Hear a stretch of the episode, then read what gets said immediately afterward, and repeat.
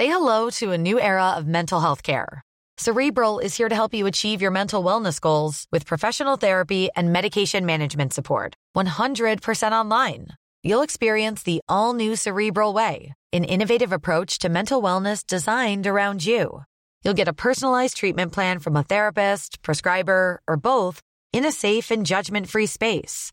Your cerebral therapist or prescriber will outline a customized plan with clear milestones along the way so you can get to feeling your best. With Cerebral, you're not alone in your mental health journey. We're here to empower you to live a fulfilling life. So take that first step towards a brighter future and sign up today at cerebral.com slash podcast and use code ACasts to get 15% off your first month. Offer only valid on monthly plans. Other exclusions may apply. Offer ends July 31st, 2024. See site for details. Ryan Reynolds here from Mint Mobile. With the price of just about everything going up during inflation, we thought we'd bring our prices down. So to help us, we brought in a reverse auctioneer, which is apparently a thing. Mint Mobile unlimited premium wireless. Ready to get 30, 30, bit to get 30, bit to get 20, 20, 20, bit to get 20, 20, bit to get 15, 15, 15, 15 just 15 bucks a month. So, Give it a try at mintmobile.com slash switch. $45 upfront for three months plus taxes and fees. Promo rate for new customers for limited time. Unlimited more than 40 gigabytes per month. Slows. Full terms at mintmobile.com.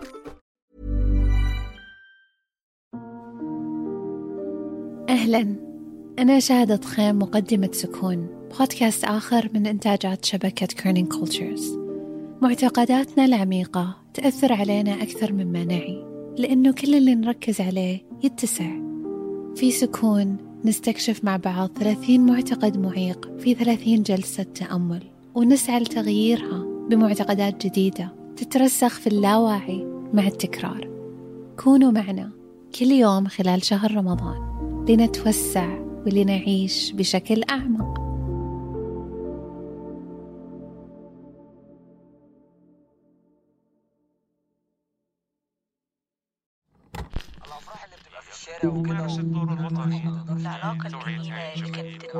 حكاياتنا نحن وعالمنا. الفلسطينية كانت حدث مبهر وقصص. وصلنا إلها بفضولنا الشخصي. كانت حدث مهم بس بصوتنا ورؤيتنا. مسافات. مسافات. مسافات. برنامج مسافات. قصص يقودها الفضول. من إنتاج شبكة Kerning Cultures أنا اسمي لولي أكرم و كنت بلعب باليه مائي. نزلت مرة بطولة وأنا على حرارة 40 وال... والكوتش كانت بتقول لي حطي الترمومتر طلعي الترمومتر من بوقك اديهولي من غير ما تبصي فيه. وأنا بديهولها لمحت إنها 40 وشرطة.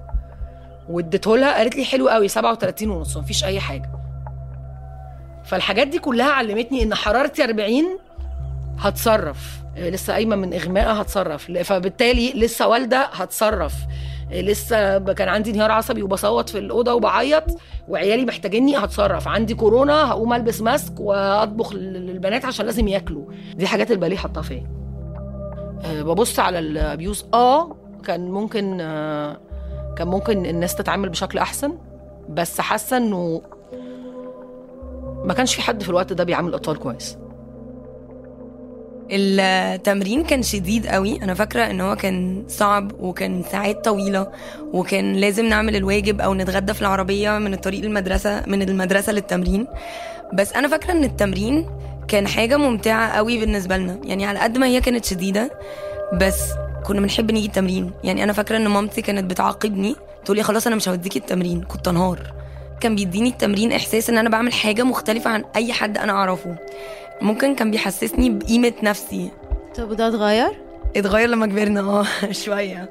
اتغير لما ابتدينا ندخل منتخبات. متهيأليش كان عندنا وقت نفكر قوي وقتها. إحنا كنا عايشين في المايه من الصبح بالليل ما كانش عندنا وقت. كنا فرحانين بنفسنا وكنا فرحانين بالمنتخب وكنا فرحانين ب... بتحسي بالحاجات دي بعد ما بتسيبي بقى. تبتدي تفكري في الآثار بتاعتها بعدها بكتير. آه إن أنا قطعت ال water ballet أو قطعت ال artistic swimming لمدة 20 سنة تقريبا أو لمدة وقتها كان 10 15 سنة ما نزلتش حتى على البيسين هنا حسيت إنه لأ في مشكلة لازم تتحل الأول.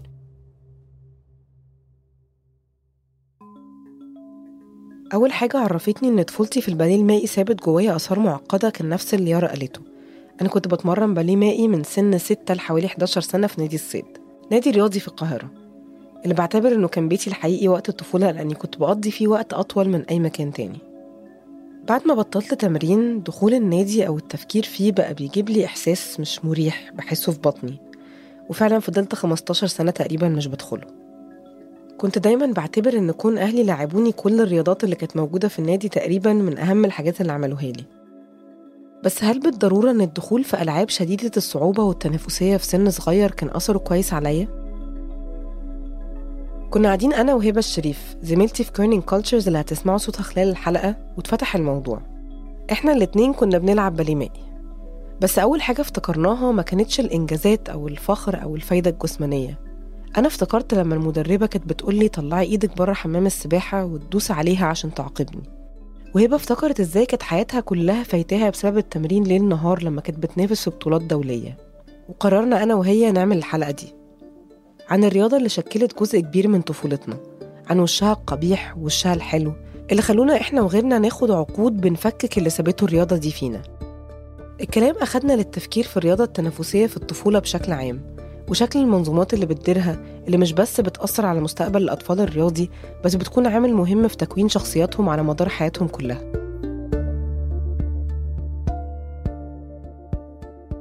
أنا هبة عفيفي وده برنامج مسافات. الحلقة دي أنتجتها مع هبة الشريف.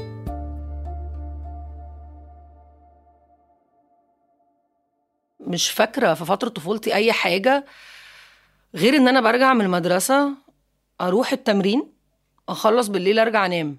يعني ده اللي أنا فاكراه من من فترة المدرسة.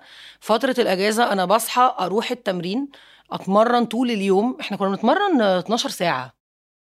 لما بدأنا شغل على الحلقة دي أنا وهبة بدأنا نفتح صندوق الذكريات أيام ما كنا بنلعب. ونفكر مين اللي إحنا فاكرين إنه مر بحاجات صعبة شبه اللي إحنا اتكلمنا فيها مع بعض من أيام الباليه؟ والأهم مين اللي ممكن يكون فكر في التجربة دي وحللها وفكك مشاعره تجاهها في العشرين سنة اللي فاتوا؟ لولي كانت في نفس الفريق مع هبة في فترة. هي حاليا أم البنتين وبتنتج محتوى عن أساليب التربية. في أوقات لما كان بيبقى عندنا بطولات كنا بنفضل في النادي من 7 الصبح ل 11 بالليل وناخد ساعة في النص break وخلينا برضو ن highlight إن الباليه المائي ده من من من أعنف الرياضات في العالم. رياضة عنيفة جدا جدا جدا مع إنه ما يبانش كده. لأن انت في أي رياضة تانية بتاخدي نفسك براحتك. انت بتتنفسي لكن إحنا كنا بنبقى تحت المية ورجلينا فوق وبنعمل مجهود زي الجري مجهود جامد جدا وبنشيل نفسنا بدراعاتنا ورجلينا فوق وشايلين جسمنا كله وقاعدين بتاع آه، دقيقة تحت المية من غير ما ناخد نفس. فانت تقريبا بتوصلي لمرحلة تحت المية قبل ما تطلعي تاخدي نفسك إن أنا قربت أموت. وبنقعد طول اليوم على سندوتشين فول الصبح وساندوتش فراخ بانيه في نص اليوم. ما كانش عندنا system غذائي وما كانش عندنا دعم نفسي وأنا شايفة إن دول أكبر غلطتين. رياضة الباليه المائي دخلت مصر في أوائل الستينات على إيد صوفي ثروت وده اسم أسطوري لأي حد ليه علاقة بالرياضة دي. صوفي كانت ممثلة عملت كذا فيلم في الخمسينات والستينات. وكانت رياضية رائدة نفست في بطولات سباحة وتنس وكرة سلة من وهي صغيرة وحققت فيهم بطولات. وفي أوائل الستينات تبنت دخول رياضة الباليه المائي في مصر. بدأت تدرب أول فريق مصري في نادي هليوبلس ومن هنا كبرت اللعبة وبدأ يبقى ليها اتحاد وبطولات. لحد النهارده مفيش في أفريقيا غير جنوب أفريقيا ومصر اللي ليهم منتخبات بتنافس على دخول الاولمبيات اللي ما شافش عرض باليه مائي قبل كده تمن بنات بيبدأوا يمشوا من طرف حمام السباحة ويقفوا في النص ويستعدوا لبدء الروتين بتاعهم. بيكونوا ماشيين مع بعض بالملي. كتافهم مشدودة لورا وراسهم مرفوعة. لابسين مايوهات بتصميمات رائعة وشعرهم مرفوع بجل مثبته في مكانه كأنه سطح صلب. عادة الروتين بيبدأ بشيلة. خلية نحل بتشتغل تحت المية بس اللي بيشوفوه الناس واحدة من الفريق بتطير بره المية وتتشقلب في الهواء. وتكمل الرقصة الإيقاعية. أغلبها واللاعبات تحت المية وبيعملوا تصميمات متناسقة برجليهم. بيزقوا جسمهم بإيدهم ويطلع فوق المية لحد وسطهم. أنا فاكرة كويس مشهد من تمارين الليونة. يمكن كان عندي ست أو سبع سنين. رجلي مفتوحة للجنبين وبحاول أوصل بحوضي للأرض. وأنا جسمي ما كانش لاين بطبيعته. فكانت المدربة بتقعد فوق ظهري تدوس عليا عشان حوضي يلمس الأرض. ولما أبدأ أعيط تديني منديل وتكمل زق. كنا صف بنات كده كله بيعيط من غير صوت وهي تعدي علينا واحدة واحدة تقعد على ظهرنا وتضغط. لولي بقى حضرت تطور ثقافة الضغط دي مع السن وتطور المنافسة. وهي في المنتخب مثلا وهي عندها 14 سنة كانت بتعمل قبة. تمرين ليونا عبارة عن إنها بترجع بظهرها تمسك عمود وتفضل تتني نفسها لورا لحد ما توصل برأسها بين رجليها. فبرجع برجع برجع فواضح إن أنا تنيت ظهري زيادة عن اللزوم ففجأة أغمى عليا. كل اللي فاكراه إني كأني نمت وصحيت على الأرض فوقيه كل أصحابي التيم واقفين أنت كويسة اصحي اصحي اصحي. فقمت. ظهري وجعني وكوعي وجعني ببص لقيت كوعي متعور. فقمت حسيت إنه إن أنا مش مظبوطة واللي حصل ده إيه؟ وبعدين قلت خلاص من كتر ما أنا دايما بيضغط عليا فقلت لنفسي خلاص ما تدلعيش. فرحت المدربة قلت لها أنا حاسة إن أنا مش مظبوطة أنا متعورة في كوعي وكوعي وجعني و... قالت لي روحي يلا يلا اقلعي روحي حط شنطتك يلا و... ويلا على المايه كنت بحس إن في سنس كده ندية ما بين المدربين والأطفال يعني أنت ما عملتي طب هتطحني النهارده؟ كل ما بقول لحد أنا كنت من صحابي يعني الجداد اللي أنا عملتهم وأنا كبيرة كنت بلعب ماي في نادي الصيد يقولوا أنتوا اللي كنتوا بتتهزقوا وأنتوا صغيرين. كطفلة بتتدرب أكتر حاجة فاكراها الزعيق. فاكرة إحساس الخوف والنكد والفريق كله مرصوص؟ 12 بنت عندهم سبع ولا تمن سنين كلنا واقفين ساكتين بنبص لبعض بعد ما المدربة بهدلتنا وإحنا بنستعد نجرب تاني وعارفين عواقب الغلط. هبة تجربتها مختلفة لأنها اتدربت في سن أكبر. دخلت منتخب وراحت مسابقات دولية وبطلت في سن 17 سنة. في السن ده كان المدربات يدوب أكبر من اللاعبات بكام سنة. كان في صداقة ما بينهم كانوا بيخرجوا مع بعض مثلا بره التمرين. وده اللي خلى العلاقة أعقد لما نفس المدربين دول كانوا بيجوا في لحظات يزعقوا أو يهينوا أو يضغطوا.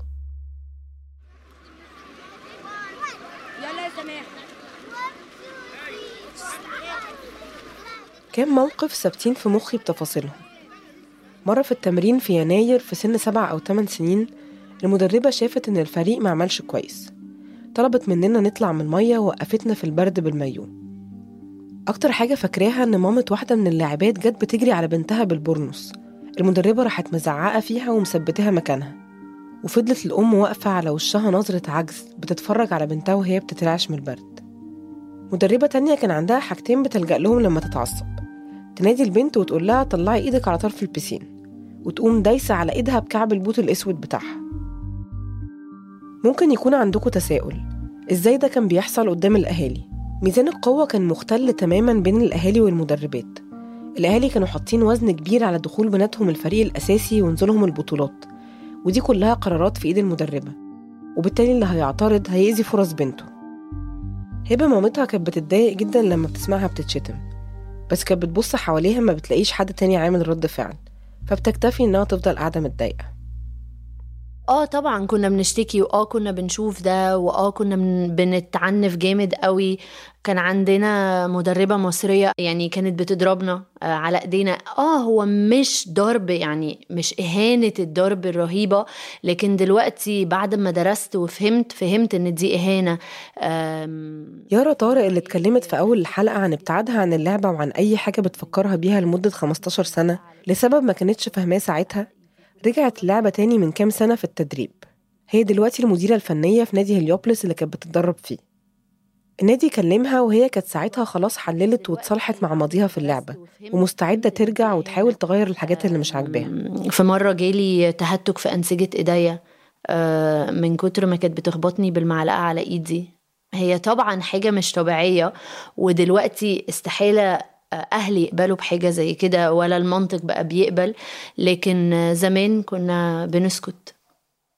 كنت بسمع في ال في ال كده بصوت واطي. بس ما حدش كان يستجري يعلي صوته قوي ويقول و... وكان حتة إنه بناتنا بتنشف وبناتنا بتقوى وبناتنا هي اللي طاغية على الموضوع. في الخمس سنين الأخيرة بدأ الكشف عن ممارسات شبه اللي اتكلمنا عنه لحد دلوقتي وأكتر في الرياضات من النوع ده في العالم كله. الجمباز، الباليه، الباليه المائي اللي هي رياضات المرونة والاستعراض. بداية الكشف كانت صدمة لاري نصار الطبيب المعالج لمنتخب الجمباز الأمريكي.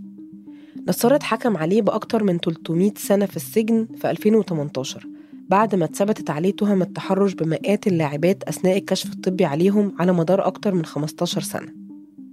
كان من ضحاياه اللي طلعوا وقدموا شهاداتهم بنفسهم في المحاكمة سيمون بايلز الملقبة بأعظم لاعبة جمباز في التاريخ وبطولات أولمبياد تانيين.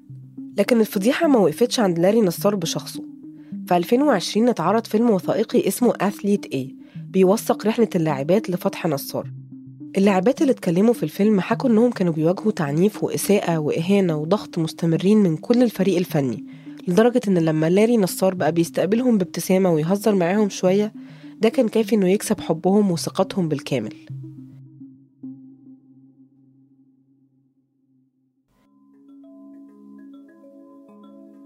المشهد العابر اللي فاكراه زي أغلب ذكرياتي من الباليه هو رقم 29 كيلو. كان وزني 29 كيلو وبتوزن في النادي وكنت حاسة إني تخينة ولازم أخس. أنا مستغربة أصلا إن الإنسان في وزن 29 كيلو يكون واعي بوزنه. طبعا لما بشوف صوري في الوقت ده بتخض من قد إيه كنت رفيعة. مع بروز المناطق الدهنية بحكم طبيعة جسمي. لولي كانت تجربتها معكوسة. كان عندها الجسم المثالي بالنسبة لمدرباتنا. طويلة وطبيعة جسمها رفيعة ومتناسقة ورقبتها ممدودة. بس ده ما حماهاش من آثار التركيز على شكل وزنها وجسمها في سن صغير ولو بشكل إيجابي. أنا فاكرة وأنا عندي عشر سنين الكوتش وقفتني قدام البنات كنت لسه داخلة الباليه فكانت مدرسة الباليه المائي. فكانت الست فرحانة بيا جدا. فوقفتني قدامهم وقالت لهم بصوا بقى أنا عايزة كل جسمكم يبقى زي أمال. جسمكم كلكم يبقى زي جسمها كده. لا الاطفال عندها 10 سنين و9 سنين و8 سنين. وفاكرة شكل البنات وهما بيبصوا على نفسهم. يعني فاكرة شكل الأطفال وهما بيبصوا على كروشهم بقى ويعني ففي المنتخب بصراحة كنا بنقف كان بيجي معانا المدرب وكنا بنقف طابور وكان لا بنتوزن واحدة ورا التانية وفي جدول وبنتقارن بالأسبوع اللي قبليه. وتلاقي بقى انهيار يعني لو واحدة وقفت على الميزان وما خستش أو تخنت حتى لو 100 جرام آه، لأ نازلة من الميزان آه، يعني إعدام عارفة؟ سمر حسونة اللي سمعناها في أول الحلقة بتقول إن تجربتها في الباليه اختلفت بعد ما دخلت المنتخب كانت بتتمرن في المنتخب مع هبة بس قبل كده كانت في نادي تاني نادي هليوبلس سمر شاركت في أولمبياد لندن في 2012 ورجعت تتمرن دلوقتي وهي عندها 34 سنة وأم لثلاث أطفال. بعد ما بطلت ست سنين بسبب إصابة في ركبتها ما قدرتش تشيل من راسها حلمها الكبير إنها توصل للأولمبياد. سمر رجعت تتمرن وسنها 21 سنة عشان تدخل أولمبياد لندن بعدها بثلاث سنين. كانت في الفريق مع بنات في المدرسة حرفيا أصغر منها بعشر سنين. كنا بنتوزن كل يوم جمعة. آه كنت يعني borderline قلبت bulimic كنت آكل وأرجع وقبل الوزن. لا بجد يعني أنا عمري وده اللي حسسني إن إيه ده؟ هو ممكن الرياضة تبقى ديستركتيف كده؟ This was my wake up call. سمر قررت إن اللي هيضمن مكانها في الفريق هو إنها تكون البنت اللي بتتشال. يعني تبقى أخف بنت في الفريق أو من أخفهم. محدش قال لي اعملي كده. هو ده اللي بيخوف. إن هي ما كانتش باينة قدام الناس مش باينة قدام الأهالي مش باينة قدام اللعيبة صحابك الفريق بتاعك. هي حاجة فجأة ممكن انت تحسي ان انت مش هتلاقي وسيلة تانية تنجحي بيها غير دي فبالتالي بتلجئي ليها. أنا أعرف حد كارنتلي أشطر واحدة في مصر ما فيش مقارنة ما بينها وما بين كل البنات اللي بتلعب دلوقتي ومش محطوطة في الفريق ما نزلوهاش عشان هي وزنها فوق فوق المطلوب.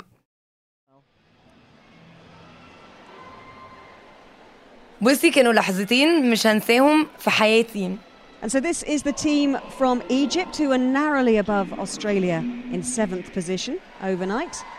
آه عارفة لما في الأفلام تكوني بتتفرجي على فيلم وكل حاجة تقف كل اللي حواليكي يقف وانتي مش شايفة غير حاجة واحدة بس تحسي الدنيا كلها وقفت وانتي في trance اللحظة اللي دخلنا في ال opening ceremony لدرجة إن أنا بطلت أسمع المزيكا والدوشة. يعني أنا كنت عارفة في, حتة تانية خالص في مخي. يعني مش قادرة أوصفها وما حسيتهاش ولا في ولادة عيالي ولا في فرح. يعني بجد truly آه كان إحساس غريب قوي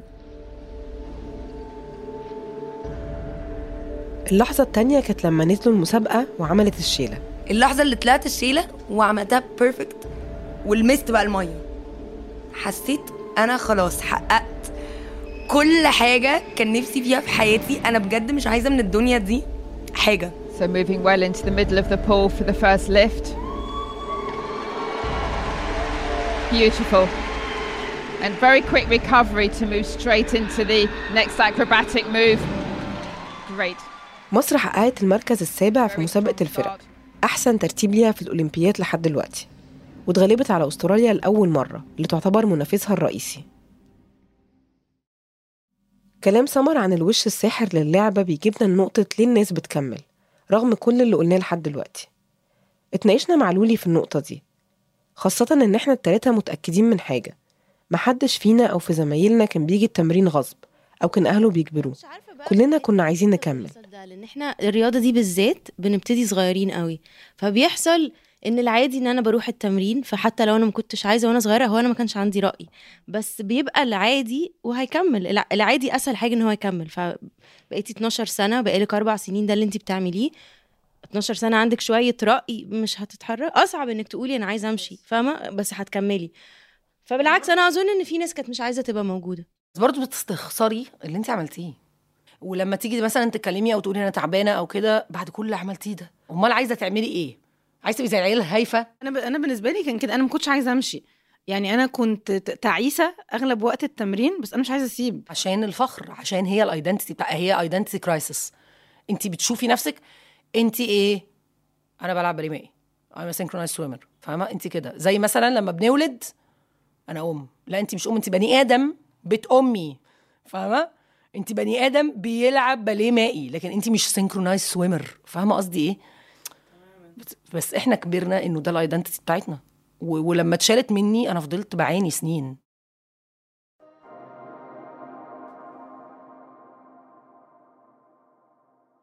بعد الفاصل رغم التعلق ده تحمل التمرين بالمستوى والكميات دي جه يوم وكان له آخر. عند هبة وعندي وعند كل حد اتكلمنا معاه. As a person with a very deep voice, I'm hired all the time for advertising campaigns. But a deep voice doesn't sell B2B, and advertising on the wrong platform doesn't sell B2B either. That's why, if you're a B2B marketer, you should use LinkedIn ads. LinkedIn has the targeting capabilities to help you reach the world's largest professional audience. That's right, over 70 million decision makers all in one place. All the big wigs, then medium wigs, also small wigs who are on the path to becoming big wigs. Okay, that's enough about wigs. LinkedIn ads allows you to focus on getting your B2B message to the right people. So, does that mean you should use ads on LinkedIn instead of hiring me, the man with the deepest voice in the world? Yes. Yes, it does. Get started today and see why LinkedIn is the place to be to be. We'll even give you a $100 credit on your next campaign. Go to linkedin.com slash results to claim your credit. That's linkedin.com slash results. Terms and conditions apply.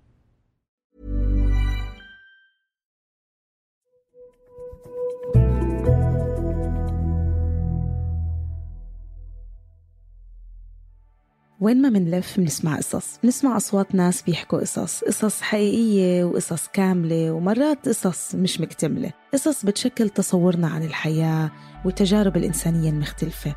بتعطينا أمل وبتذكرنا إننا مش لحالنا بهالعالم. في بودكاست بحب كل حلقة بمثابة احتفال واحتفاء بالقصة. نغرق سوا بأصوات شخصيات بتشاركنا عالمها بكل حب. رافقونا بودكاست بحب كل يوم اثنين على أي منصة بودكاست بتستخدموها وبتفضلوها. بحب من إنتاج شبكة Kerning Cultures ومن تقديمي أنا شهد بني عودة.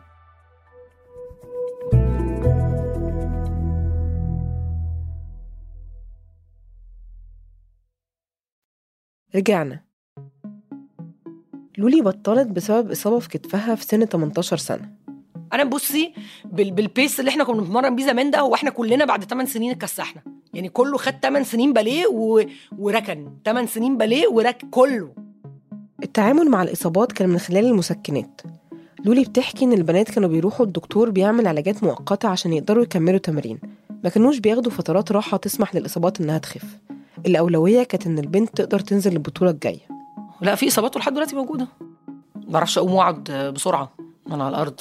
لازم اسند بإيدي كده ماما الحاجة كده واظبط.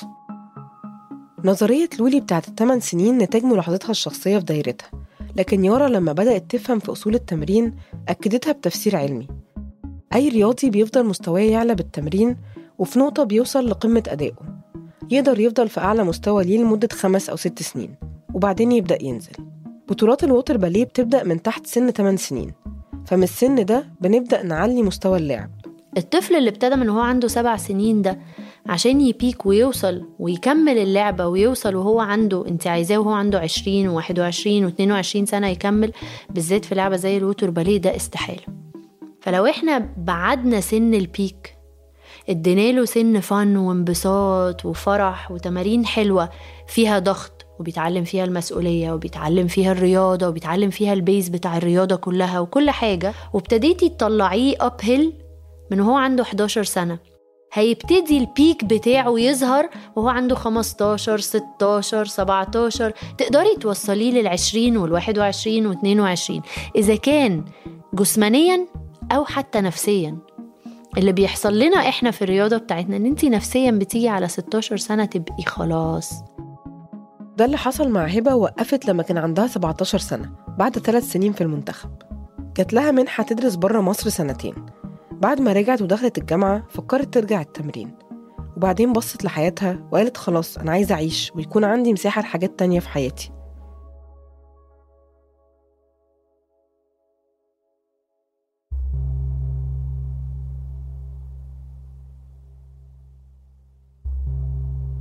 بعد ما اتعرض فيلم Athlete A في 2020 عن فضيحة طبيب المنتخب الأمريكي للجمباز المتحرش اتفتح الباب لحملة ضخمة. بتفتح فيها لاعبات وبطلات مشهورة الممارسات المسيئة اللي تعرضوا لها وجات شهادات من أنحاء العالم. عملت اللاعبات حملة على وسائل التواصل الاجتماعي باستخدام هاشتاج Gymnast Alliance بيحكوا فيه عن تجربتهم. نتيجة الضغط اتحادات اللعبة في بريطانيا وأستراليا وهولندا فتحوا تحقيقات في الشكاوى وبدأت أخيرا تتاخد إجراءات عقابية لأول مرة ضد المدربين. في 2021 وصلت موجة الفتح للباليه المائي. خمس لاعبات سابقات في كندا رفعوا قضية على الاتحاد الكندي فشلوا في حمايتهم من ممارسات المدرب المجري جابور زودر. اللاعبات اتهموا المدرب باستخدام لغة ذكورية وبتعنيفهم بخصوص وزنهم لدرجة تعرض بعضهم لنوبات هلع. السبب اللي دفعنا إننا نبدأ نشتغل في الحلقة دي هو إننا نحاول نفكك مع بعض إيه اللي باقي فينا من وقتنا في الباليه. رغم إن لولي حصلت على تركيز إيجابي لكن التركيز المبالغ فيه على وزنها وشكل جسمها خلق علاقة مش صحية لما كبرت ودخلت في مراحل جديدة في الحياة. وده عمل لي كارثة. لما تخنت لما حملت ورضعت وأنا نزلت دلوقتي الحمد لله بس ساعتها تخنت أكتر من ده 35 كيلو. وسنين بقى من كره الذات بقى. سنين من كره حياتي و... وكره جسمي لسه متصالحة معاه السنة دي. وده كله كان لمجرد دلوقتي أنا لسه مكتشفة ده وأنا بتكلم معاكي. لسه مكتشفة لأن أنا الايدنتيتي بتاعتي الهوية بتاعتي اتبنت في السن ده زي ما كلنا هويتنا بتتبني في السن ده واتبنت إن أنا كل الناس praising أو بي بيمدحوا في جسمي الرفيع الممشوق الجميل الطويل اللي مش عارفة إيه. وأول ما تخنت خلاص. أنا ما بقتش ما بقتش بني آدم ذو قيمة. بجانب الصورة الجسدية حاولنا نحلل مع لولي أثر قوة التحمل اللي كان لازم نطورها في سن صغير. رأيها كان مختلط شوية. في الأول كانت من الحاجات اللي كانت محتفية بيها جدا بس لما اتكلمنا وتشاركنا أكتر وصلنا لإجابة أعقد. بحس إن الباليه المائي ليه الفضل في إني دلوقتي بستحمل حاجات آه، صعبة. لو فشلت في حاجة تمام لأني ببقى عارفة إن أنا هنجح في حاجة تانية أو هنجح لما أحاول تاني هنجح. آه، أنا عملت عندي حاجة اكتشفتها وأنا كبيرة هي طبعا بتعمل قوة تحمل رهيبة. بس وصلت معايا لدرجة إن أنا آه، ما بقتش بشوف احتياجاتي وضعفي. فبقيت ماشية زي القطر في أي حاجة بعملها أقعد أضغط أضغط أضغط أضغط لحد لما في حاجة تفرقع. فاكتشفت بعدها إنه عشان وإحنا صغيرين ما كانش في مساحة لده ما كانش في مساحة اللي هو انت محتاجة ترتاحي انت تعبتي انت جسمك بيقول لك إيه اسمعي مثلا جسمك قولي أنا مش قادرة. ف فحاسة إن هو قد ما بتزود قوة احتمال بس بتوصلها لمنطقة مؤذية.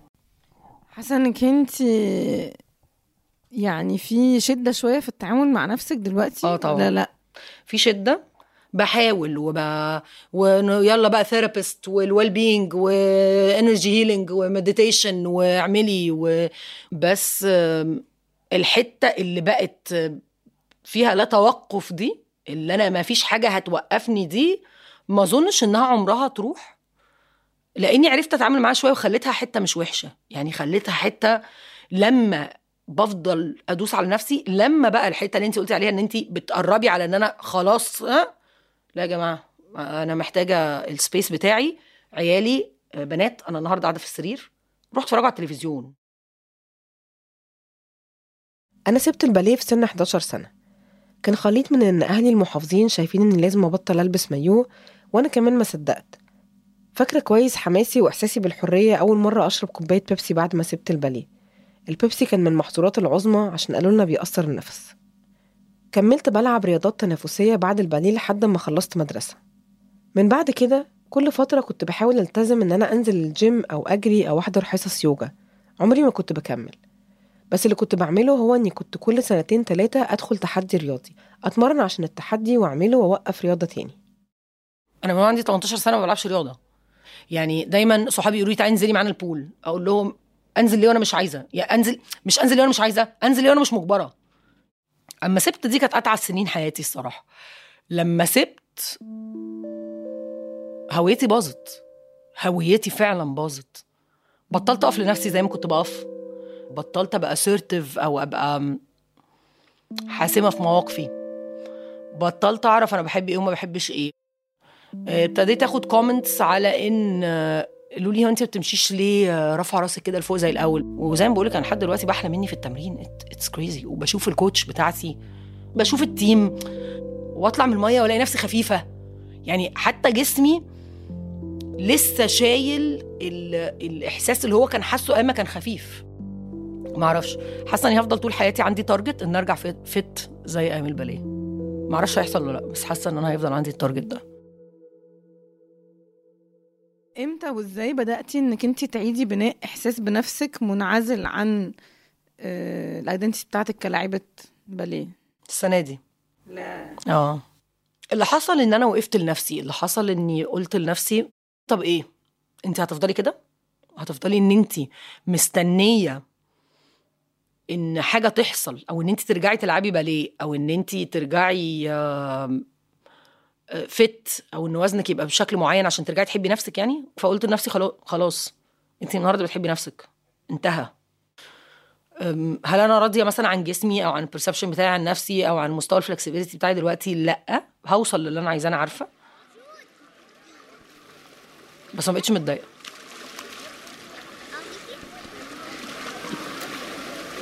هوريك إزاي تعالي بابا ريك يلا مش عارفة إيه اللي بيخلي واحدة فينا ما تعديش جنب النادي لمدة 15 سنة وواحدة تانية تفضل ترجع تتمرن في كل مراحل حياتها زي سمر. يمكن تجاربنا في التمرين مختلفة شوية. يمكن شخصياتنا وردود أفعالنا النفسية اللي بتختلف من حد لتاني. سمر بتشوف إن كونها طول عمرها متفوقة في اللعبة حماها من حاجات كتير شافت زميلتها بتتعرض لها. دايما بنشوف البنات اللي كملت فبنبص عليهم دي الرياضة دي هايلة دي طلعت جيل بصوا البنات ما شاء الله عليهم. ما شفناش البنات آه، اللي بطلت لأي سبب من الأسباب حصل فيها إيه. يعني أنا دلوقتي آه، ابتديت أدرب فريق تحت 8 سنوات في النادي. أول شهر كده ما تعرفيش ليه كنت داخلة فيهم شمال. يعني أتعصب تلاقيني ابتديت أزعق وممكن أقول كلمة إيه الغباء ده عادي جدا واللي أنتوا عملتوه ده زي القرف وعيدوا هم عندهم سبع سنين يعني البنات عندها سبع سنين. مفيش مرة وقفت فكرت هو أنا ليه بقول لهم إيه القرف ده؟ ولا ليه بقول إيه الغباء اللي أنتوا فيه ده؟ سمر فضلت كده لحد ما المديرة الفنية اللي هي يارا اتدخلت. فلما اتكلمت معاها قالت لي طب ليه أصلا؟ هل عشان انت مثلا كنت متعودة كده إن اللي بيمرنك لازم يقولك كده عشان تأدي؟ فقلت لها والله مش عارفة ممكن. بس لما فكرت فيها هو أنا ما ينفعش إن أنا أمرن بالفطرة. اللي طلعت مني من الطريقة اللي أنا اتمرنت بيها. أنا لازم أمرن بالطريقة اللي أنا أفكر وأقتنع بيها. فلما اديتها مثال لبنت صغيرة أم، سابت ال water باليه من بدري واتهانت وي وي وي ومقتنعة إن هي ما بتشتغلش غير لما تتهزق عشان دايما المدربين يقولوا انت بتشتغليش غير لما تتهزقي لازم تتهزقي عشان تشتغلي. فازاي أم آه، قاعدة في بيتها وجوزت بنتها وفرحانة بيها ومبسوطة بيها وفي ثلاث سنين ولقت الجرس بيرن فتحت الباب لقت بنتها داخلة عليها بتعيط ومنهارة وبتقول لها أنا بقالي ثلاث سنين بتهان وبتهزق. إزاي ما تقوليليش لمدة ثلاث سنين؟ ما هو أنا فاكرة إن ده عادي. أنا فاكرة إن ده عادي أنا عادي إن أنا أتهزق. ما أنا مدربيني كانوا بيقولوا لي كده دايما أنت بتشتغليش غير لما تتهزقي. فلما حكيت لسمر الحكاية دي آه، تأثرت جامد قوي اخر واحدة ليلى يلا نشجع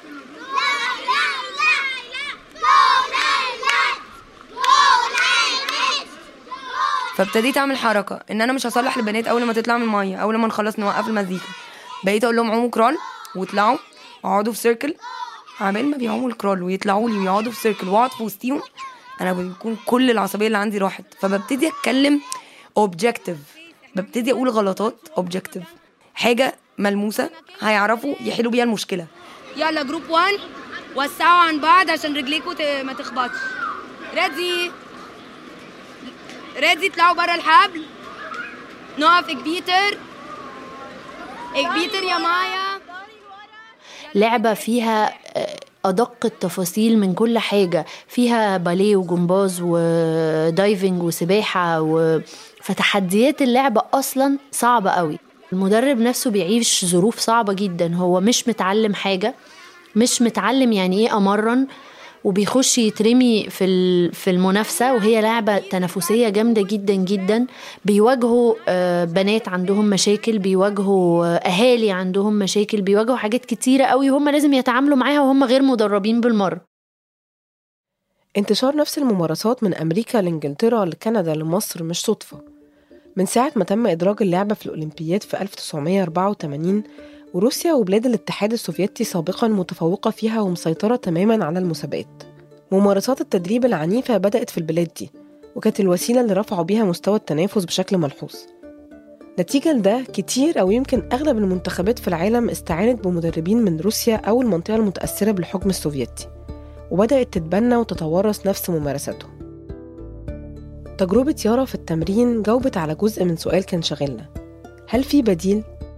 هل في طريقة تدريب تقدر تطلع في وسط ثقافة اللعبة اللي موجودة من عقود وتحقق نفس النتائج بأساليب أصح وأرحم باللعيبة وبالذات بالأطفال؟ بعد لما انضمت للفريق الفني اكتشفت يارا مجال المنتل تفنس اللي مصمم عشان يدي للعيب الأدوات للتعامل مع ضغوط ومصاعب اللعبة اللي بيلعبها درسته وأصبح جزء من مهمتها كمديرة فنية إنها تعدل من سلوك المدربين اللي معاها أي لاعب أو أي بني آدم في 20% فوق واللي الناس شايفاها و80% مش مرئية مش متشافة. لو المدرب شاف ال 80% دي هيعرف يتعامل مع اللاعب 100% يعني مثلا أقول لها كلمة عبيطة جدا تروح البنت معيطة. ما تعيطيش كملي تمرين ما تعيطيش. ما ماشي أوكي. ما هي ليه بتعيط؟ أكيد في سبب. هو لازم تفضلي تروحي من بعيد وتسألي أسئلة وانتي أصلا قوية جدا لازم تدي ثقة في النفس الأول. فلازم تبتدي بقى تقولي انتي أصلا قوية جدا إيه اللي حصل النهاردة؟ كان شكلك تعبانة. ما نمتيش كويس؟ تبتدي بقى تروحي ورا الأسئلة ورا الأسئلة لحد ما تتكلم معاكي. عشان كده لو النوادي تفهم ده ولو المدربين يفهموا ده ولو الأهالي يفهموا ده آه بتهيألي الرياضة عندنا هتختلف كتير قوي.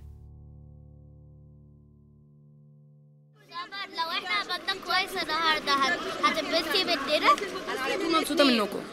على طول مبسوطة منكم. بعد أنا بزعل يا أمينة لما بكون عارفة إن انت تقدري بس مش مركزة. ده اللي بيزعلني. لكن لو عارفة إن انت في حاجة ما بتعرفيش تعمليها مش هزعل منك. بس لما أكون عارفة إن انت بتعرفي تعملي ده كويس قوي ومكسلة ده اللي بيزعلني. أوكي؟ يلا بنات نطلع بواقي اللعبة في كل حد مننا مركبة. زي أي حاجة ليها معنى في تاريخ حياتنا وأي حاجة صعبة بنعدي عليها. ما كناش هنبقى نفس الأشخاص من غيرها. مع لولي وسمر ويارا أكتر سؤال كشف تعقيد العلاقة كان عن بناتهم. كلهم عندهم بنات في السن اللي هم بدأوا فيه باليه. سمر بنتها بالفعل بتتمرن معاها في الفريق تحت 8 سنين. اتحرك لقدام واسألك لو بتخافي عليها. من إيه؟ من الوحش اللي في الرياضة. آه جدا. حاولت أمنعها من الرياضة دي آه، كتير. لعبتها جمباز ثلاث سنين. وبعد الجمباز قلت لها مش هتلعبي water باليه. هتلعبي سكواش ووديتها سكواش سنة. هي شاطرة. آه و hard worker بس ما فيهاش ال talent الفظيع اللي هو تضمن مكان وما تتأثرش. فبخاف عليها لا يحصل فيها اللي أنا كنت بشوف بيحصل في صحابي. لو بنتي قالت لي هلعب مش هبقى اسعد واحدة في الدنيا لأنها رياضة صعبة قوي. بس لو هي حباها و challenging definitely ه support. يعني لو هي challenge بيها ومبسوطة بيها طبعا ه support her لأنه هي رياضة بتبني شخصية خطيرة. لو بتلعبيها صح. أما لولي بنتها الكبيرة سبع سنين طلبت إنها تتمرن باليه مائي. بس بعد أسبوعين لما لقت المدربة بتكلمها بحدة وبتقارن البنات ببعض قالت لها لأ مش عايزة أكمل. سألتها لو كانت اتبسطت بالرفض ده. كان عندي conflict و still لحد دلوقتي أنا بقول لنفسي هو أنا كان المفروض فعلا أقول لها خلاص ما تروحيش؟ ولا كان المفروض أضغط عليها أقول لها لأ انشفي زي ما إحنا ناشفين. مية في المية هي الواحد بيبقى ان دينايل أو في عنده إنكار إن هو عانى في طفولته. فبيبقى بيودي عياله الباليه المائي وبعدين أول ما بيقولوا له لا أنا مش مبسوط يبقى الحمد لله. الحمد لله طلعت مش مبسوطة وقفت لنفسها. يعني بتحسي إنه شوية برضو لما بنتي قالت لي مش عايزة حسيت إن هي وقفت لنفسها وقفة معينة كده اللي هو مفيش حاجة اسمها طفل في أولى ابتدائي عنده ست سنين بيخش بطولة تحت ست سنوات وتحت ثمان سنوات. إيه ده؟ بيعمل إيه ده؟ ده ما بيعرفش يخش لوحده الحمام أصلا. بطولة إيه؟ يعني فإحنا بنعمل إيه في عيالنا؟ بنعمل إيه في عيالنا؟ definitely الرياضة حلوة. الرياضة حلوة والباليه المائي حلو قوي. أنا لو أقدر ألعب بناتي في environment healthy ولذيذ وصحي وإن هم يلعبوا ويحسوا إن هم speaking of الصحة النفسية مش هيجرى حاجة لما العيال كل ساعة تاخد break مش هيجرى حاجة لما إحنا نبقى عارفين ان إحنا لما نتمرن بعد ساعتين مثلا هن- هنشرب سموذي اني network هنقول لك لما هي تطلع الحلقة. لا ابعتها ل coach سمر وهي هتسمعها لك. اتفقنا؟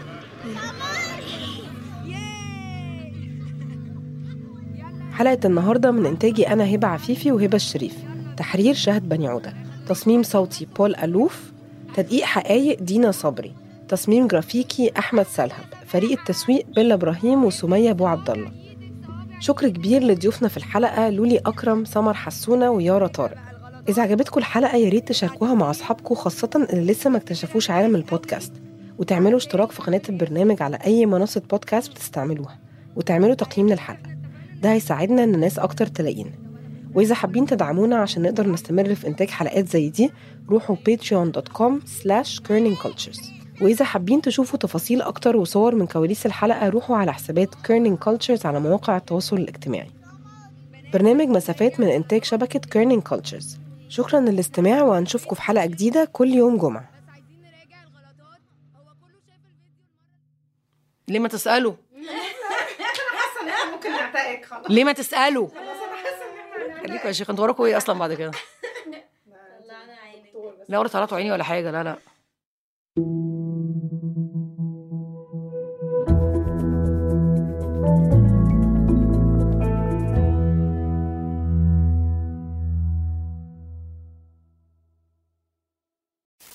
بحبكم قد ما في زيت في الزيتون بحبكم وانتو مية العيون. أخذت وقت تعرفت إنه أنا أكتر من جسد وبس. بنحب نشكر كل الناس اللي وثقت فينا. وثقت فينا إنه نوصل أصواتهم قصصهم وحكاياتهم ومشاعرهم للعالم.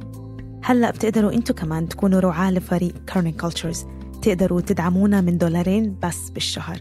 تقدروا تدخلوا على patreon.com slash cultures أو تضغطوا على ال link اللي بوصف الحلقة. شكرا ودمتم بحب وسعادة. مرحبا. أنا شهد معدة ومنتجة بشبكة Kerning Cultures حابة أشارككم واحدة من تعليقات مستمعينا اللي كتير بفرحونا برد فعلهم على القصص اللي بننتجها. نعيمة من السعودية بتقول لفتني جدا طريقة شرح التفاصيل اللي خلتني أعيش جوا الواقعة وكأني بتفرج على حلقة من مسلسل. شكرا كتير يا نعيمة. ونتمنى دايما نكون عند حسن ظنك. تقديركم ومحبتكم كتير بتفرق معنا وبتخلينا دايما نسعى لنقدم أفضل جودة محتوى. وشكرا لكم.